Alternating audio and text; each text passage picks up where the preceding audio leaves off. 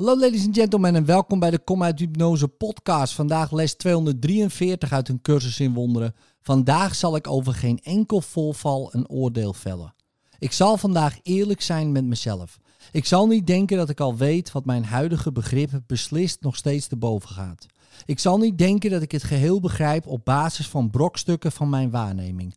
Wat alles is wat ik kan zien. Vandaag erken ik dat dit zo is. En zo word ik ontlast van oordelen die ik niet vellen kan. Al dus bevrijd ik mezelf en dat waarnaar ik kijk om in vrede te zijn zoals God ons geschapen heeft. Vader, vandaag laat ik de schepping vrij om zichzelf te zijn. Ik eer al haar onderdelen waarin ik inbegrepen ben. Wij zijn één, omdat elk deel de herinnering van u bevat. En de waarheid wel als één in ieder van ons moet stralen.